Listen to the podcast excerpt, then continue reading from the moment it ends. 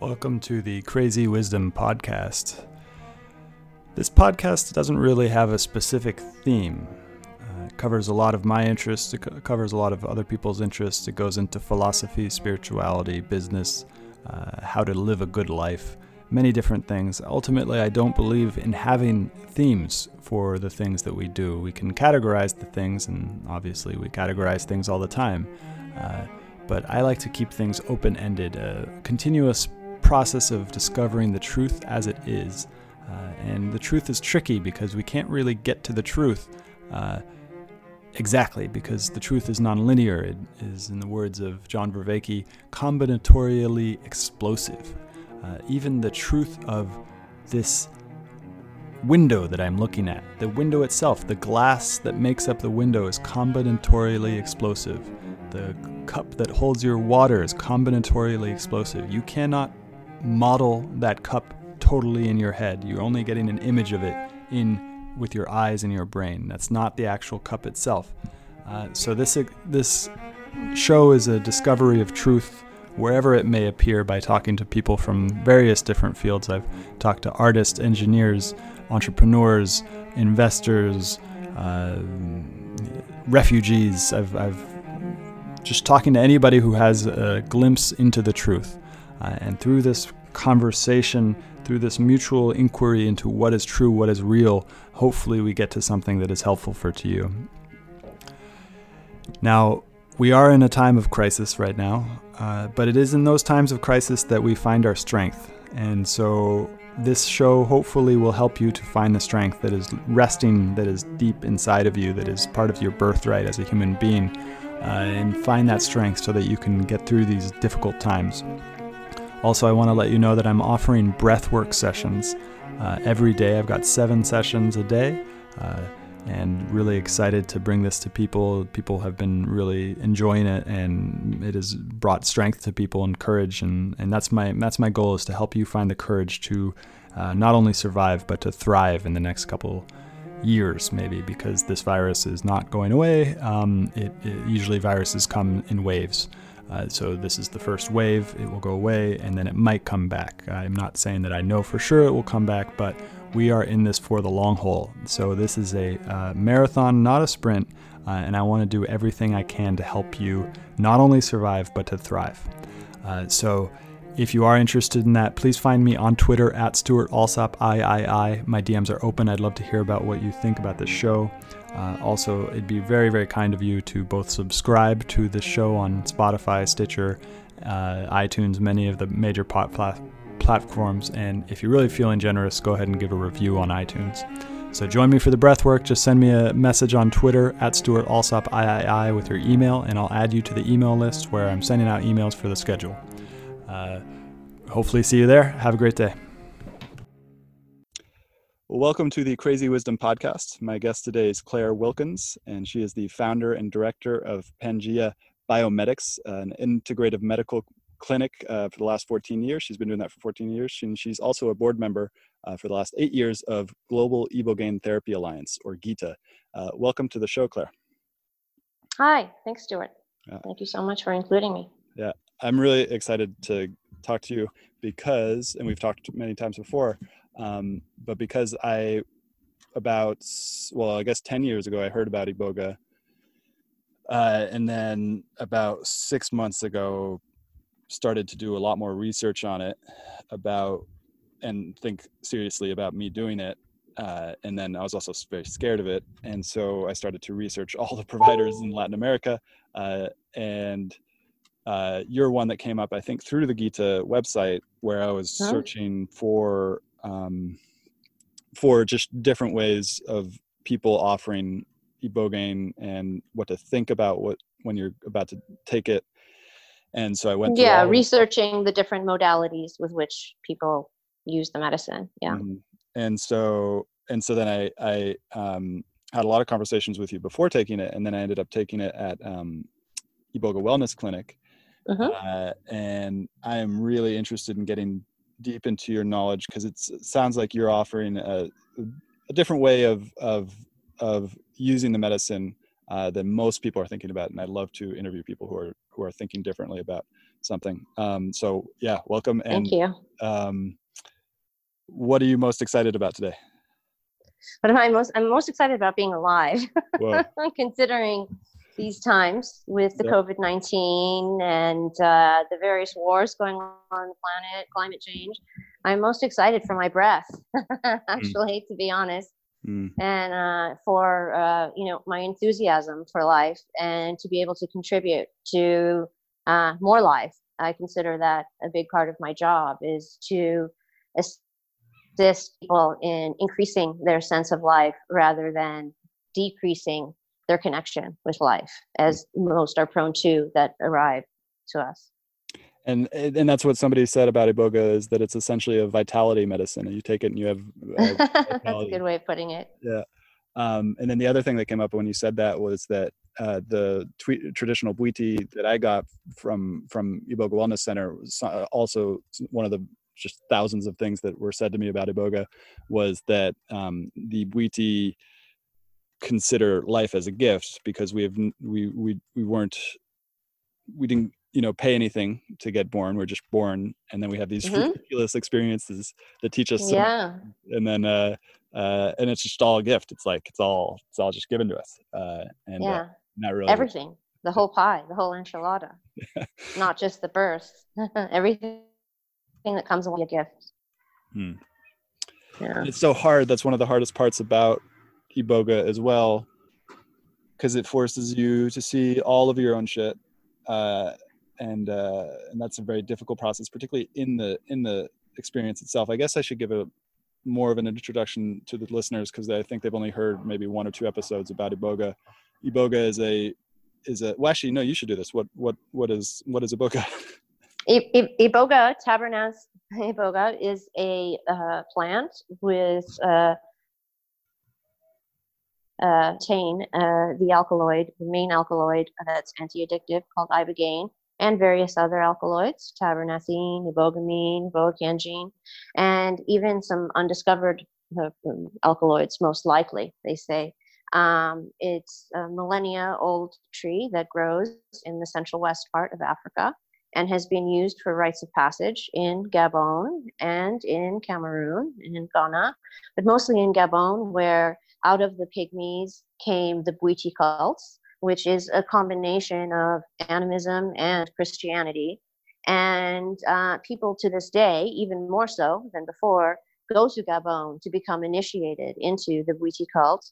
And the Bwiti um, uh, notion of working with Iboga has affected a great deal of the people who decide to work with Ibogaine on in the Western context. So there's not just working with Iboga, this root, which is the whole root. They use the whole root there, and it's a ceremonial process where the entire village gathers around one human in order to through, sing them through, dance them through this rite of passage. Mm and um, it's considered something you do once in your life to go from a boy to a man or a young uh, a woman to a, a, a, full grown woman or to treat certain conditions. It's also used in lower doses in Africa for hunting at night. Your vision is sharper, your hearing is sharper, and you can see well at night. Um, and used for various maladies, as I mentioned in 1960s there's a man named howard lotsof who's a filmmaker in new york who was uh, testing various different drugs and happened to test 500 milligrams of ibogaine at the same time that he had a heroin habit. And the following day after having a very profound visual experience wherein he saw himself being born um, he saw various different aspects of himself things he had never had um, experience with in terms of in relation to other psychedelics that he had taken, which were quite you know various. And he went to his psychologist and was able to process because he happened to have a psychology appointment at the same the, the next day. It's just very serendipitous. And he also happened to wake up without a heroin habit. Uh. And for a 19 year old in film school who was testing various different drugs and going through his own learning curve and just a young man, and whose partner at the time, Nora, Norma Lotsof, who was his best friend, lover, and wife until he died uh, 10 years ago. Um, she is still alive in Staten Island and uh, also part one of the board members of GITA. He spent his entire life devoted to understanding iboga and ibogaine and all of the alkaloids related to iboga. The ibogaine exists in various different plants. It grows in plants in the northern part of Australia. It grows in Chinese plants. It's part of the traditional Chinese medicine protocol. There's a, uh, a Tabernanthe orientalis that contains ibogaine. Even star jasmine growing all over the United States. When you see those beautiful bushes, you look at the flowers. They're very similar to iboga flowers, Tabernanthe iboga flowers. So there's ibogaine in your grandmother's uh, jasmine bushes. uh.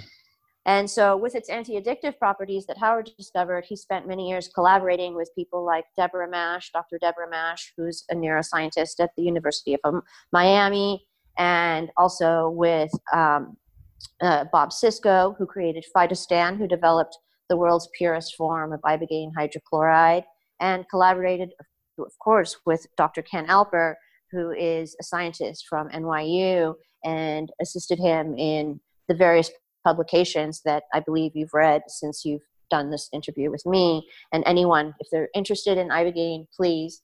Ibogaine 101 is reading Ken Alper's papers, just Googling Dr. Ken Alper, and you will find his paper on the medical sub, the fatalities of Ibogaine.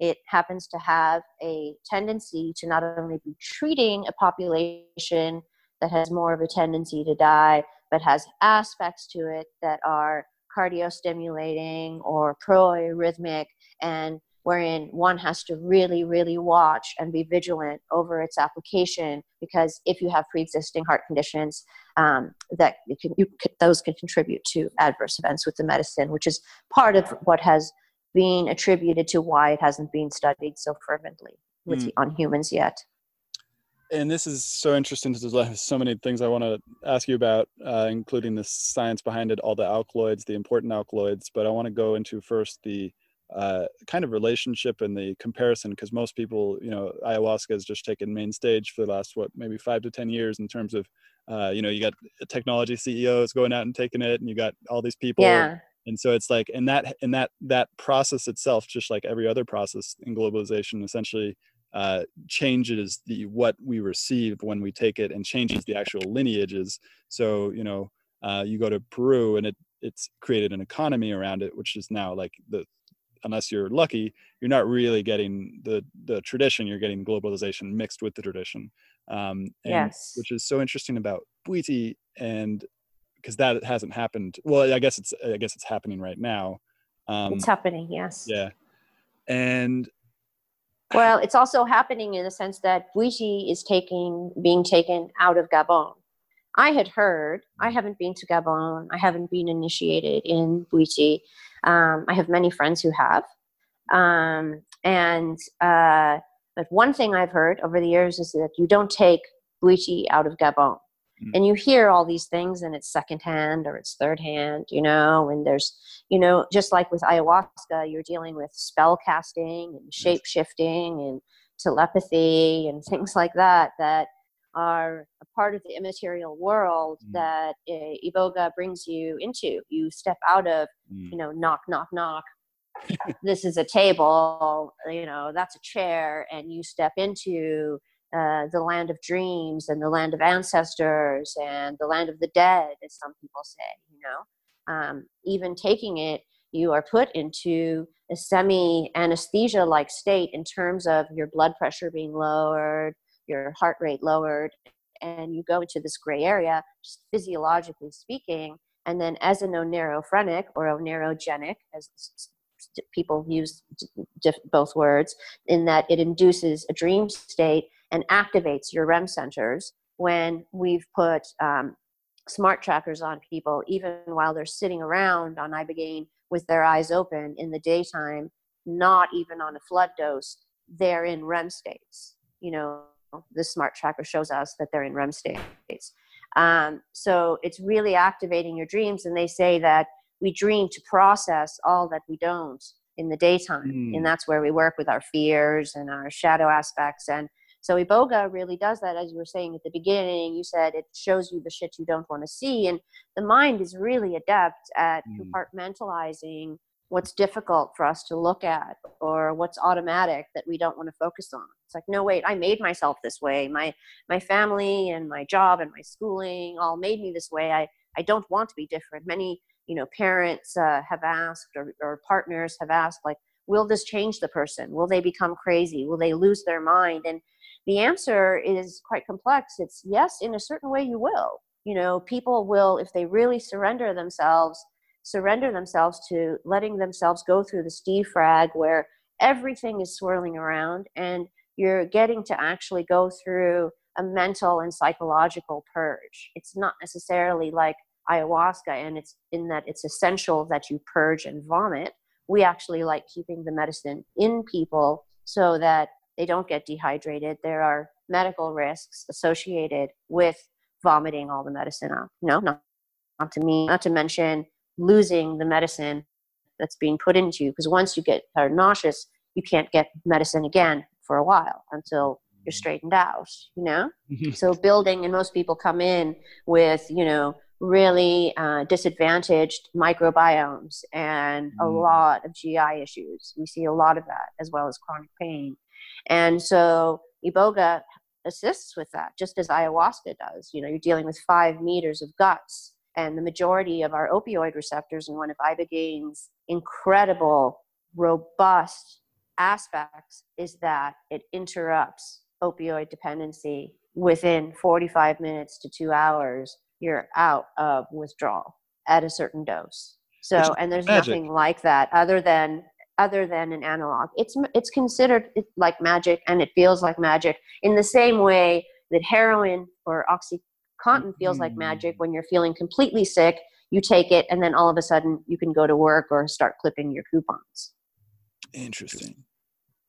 Um, so, what is the main receptor if we've identified it? So, so I've been on this on this hunt for all the different chemicals that we take and the main receptor or the various receptors that they interact with.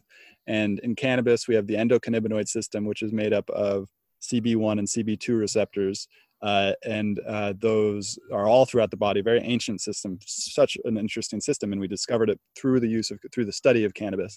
And then uh, we've got five HTP.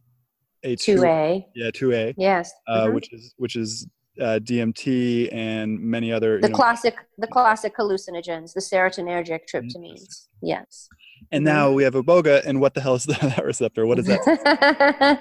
well, yeah, it's serotonergic, most definitely. It's a tryptamine, most definitely, but it doesn't have the same classical hallucinogenic aspects as the other medicines you mentioned, such as LSD, fungus, uh, you know, psilocybin, magic mushrooms, um, and, and DMT it is considered more in an oneirophrenic or an oneirogenic medicine in that it induces a dream state, waking dream state, so that you're actually, and other psychedelics do it as well, where you're a witness to your own life. Uh, with this, uh, it creates a sense of in- inability to move around. As you noticed, I'm sure you got mm. kind of dizzy if you tried to walk or well, so developed a that was really interesting for me and i want to talk about that because it came up earlier is that i didn't have i so i'll i'll set the stage. It was one of the most ex- interesting experiences i've ever had the whole week because i went to iboga wellness center a coach had recommended it to me who was very familiar with that. Um, uh, i was going in expecting to meet the same type of people you would meet at an ayahuasca ceremony or an ayahuasca thing which like you know young hippie kind of uh, uh, uh, you know, just like people like me uh, and i got there and it was like there was one other person like that but everyone else was like yeah i was just you know on youtube and i was searching and i found iboga and then i found this and and i made it to this and and it's like and it they were from all walks of life um like n- no no rhyme or reason um and so then i'm i'm, I'm yeah i guess it is yeah it was more tourist um and uh interesting yeah uh so and so i get there and i'm like i'm like I, I I have a thing about taking any substance where I never want to take too much, um, and it's part of the part of what iboga was like screwing with me a little bit. Uh, uh, and everyone else was just like, yeah, just eating it like 20, 24 um, uh, capsules, like huge amounts of, of iboga. And I was like, what, what is everybody? And, but I didn't get to, I did, I definitely, the medicine affected me. I was definitely in, in the iboga state, but I didn't get the walking around. I was pretty normal walking around. I, I wouldn't have needed help. It's uh, different with different people. You know, some people don't get ataxic at all mm. and they can walk to the bathroom easily. And some people, you know, we have to have two people on either side and then make sure if it's a male to sit down on the toilet and go to the bathroom and not try to aim well at that point. Uh, your the vision can be blurry or because uh, they're you know in that rapid eye movement state Mm-hmm. Um, and there, that's you know dose dependent also, and metabolism dependent. Dependent. There are some people that I call them adepts. It's like the medicine slides right into them like an old friend, and just it's like uh, I can do this. Mm-hmm. I can walk mm-hmm. around on this. I've seen people on doses that would ordinarily have someone lying down and not wanting to move their head and not wanting to speak to walking around and eating on the same dose and actually being you know half the weight of the person who's lying down. So it's very unusual and it has a mind or intelligence is a better word of its own.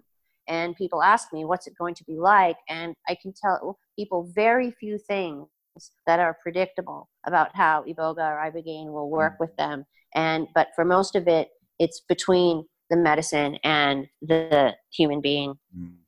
uh, not me you know um, the iboga decides how it works with someone. And the person if they're trained well or prepared well usually with have the least expectations possible mm. and prepared well you know cardiac wise and also in terms of researching you know what it does for the mind and the body for people and what their own intentions are. You said there were all these people with various you know from various walks of life you know, I find that the people who don't do it for drug detoxification, which it's most adept at, the people who do it for psychological growth or psycho-spiritual purposes, as some people say, um, they don't really have an exact idea of what they want. Some people want to see God, quote unquote, or some people just want to get to the roots of their trauma, not just, but get to the roots of their trauma, which can be very difficult because, you know, um, that's a tough thing to go through again. And you need to make sure that you're with people who can handle that trauma coming up again to make sure it doesn't stick or that you get re-traumatized during treatment which we have seen. And this was the interesting thing. You mentioned that the medicine just melds into people. So that felt like it happened to me. Um, and I, and and I I tried preparing as much as I could beforehand. So I did all the things you you suggested to, to do, except for maybe some of the ortho. What's the what's the term you use? Ortho medicine. Orthomolecular medicine. Ortho, orthomolecular medicine. I probably didn't do too much mm-hmm. of that, but I did a lot of probiotics, prebiotics, uh, great exercise, really gentle exercise, like all drugs, getting off of all substances uh, and sleeping a lot, being in the forest, uh, and I tried preparing myself so that I wouldn't have a difficult experience. Uh, and it was so incredibly difficult. There was no getting around that. Um, well, it's so great to do that gut work beforehand yeah. instead of waiting because so many people wait until they get to the treatment center and don't prepare enough. And we have people because of our wait list and because we want people to prepare, and we found that we have much better outcomes dependent that it's correlated very much so with how much preparation they do their better outcomes. And so for you to do that gut work beforehand i want to just note that if there are people out there listening and wanting to work with iboga please don't rely on iboga to cure your crohn's disease. If you've read about you know someone's crohn's disease going into regression after iboga yes it helps immensely. There are biologists in bulgaria that have microbiologists that have proven that Ibogaine actually reduces candida overgrowth. Hmm. Um, and people feel that their palates change for sugar and things like that, which candida thrives on sugar. And, you know, um, uh, but uh, to prepare your gut beforehand so that the iboga, because it's all those receptors, your serotonin receptors, your opioid receptors, the majority of them are all on your guts, on your intestines. And so if you get that cleaned up, it's like if you have this special house guest coming and you didn't clean your home before they came over. And there were open cans of chili that had been sitting for three days and you know things molding up. And you're like oh hi hey wait oh you'll take care of this right? Like telling your house guests to clean your own mess. Yeah. you know and a lot of people do that for ibogaine it's like oh well it takes care of ptsd it takes care of traumatic brain injury it takes care of drug addiction um, you know there's like there's this long list. You can go on very many websites and see this giant list of its supposed applications. And we don't actually know or have proof of the applications for ibogaine outside of what we have shown to be true in the animal model and in mm. certain mm. informal or observational you know ibogaine trials so, and that has to do with addiction so there's this professor John Vervaeke, and he talks about the wisdom traditions of essentially our wisdom tradition was killed by science, and we need a new one. Uh, and uh, and there is there is an element of science can kind of help us with that, and it goes back to that original point that you made about like once you he actually used the same metaphor. Once once you go into this iboga state, the the thing that you're touching, this chair that I'm touching, doesn't necessarily recohere as a chair like the, the, the, the, you look into the deeper, deeper nature of the chair and realize that it's made up of atoms and that, that it's, there's nothing like stable there uh, and so that whole thing is like maybe we weren't right that god is all of a sudden uh, uh, killed by science. Maybe it's just a little bit more subtle and nuanced than that. Uh, and and it gets into yeah. the yeah. something that Ash, asha was talking about who i'm going to interview as well um, about asha Karavalli and and she uh, i'm losing it but um, what do you think about that? Uh, well most definitely. I mean we deal with what i call like orphans you know and i felt like someone as well and uh, iboga in in gabon is the medicine of ancestry you mm-hmm. connect with the ancestors and supposedly you know and there are these people who talk about iboga and the traditional uh, uh, iboga or ibogaine experience where you have a life review you connect with your uh, ancestors um, your uh, downloaded wisdom and um, you go through this uh, portal wherein you grow and discover who you really are mm. and um, all the taunts falls off of you and it's not always so clean and tidy it's definitely not always so clean and tidy there are people who don't have visions. There are people who um, don't connect with ancestors. But essentially, I call it the land of in between. Hmm. You're, hmm. um, as you said, the chair is made up of, of atom molecules. And as you uh, start to work with Iboga, you are moving away from everything being so solid and concrete. And yes, I know this. And yes, this is true. Well, who hmm said so? Who is the authority on that?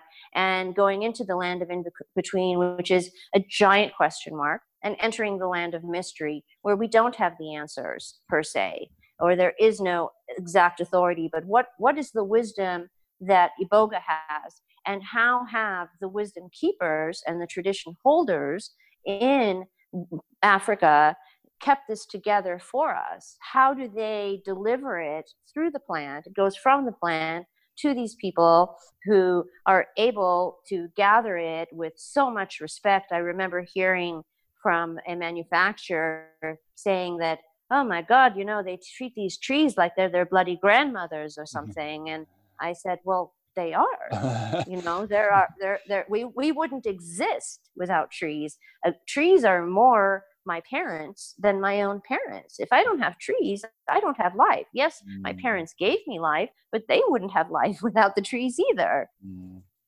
You know, and so seeing these beings as so alive and transmitting that information to us through the, the plants and certain people going to Gabon and coming back and sharing that or articles being written about it or people giving presentations.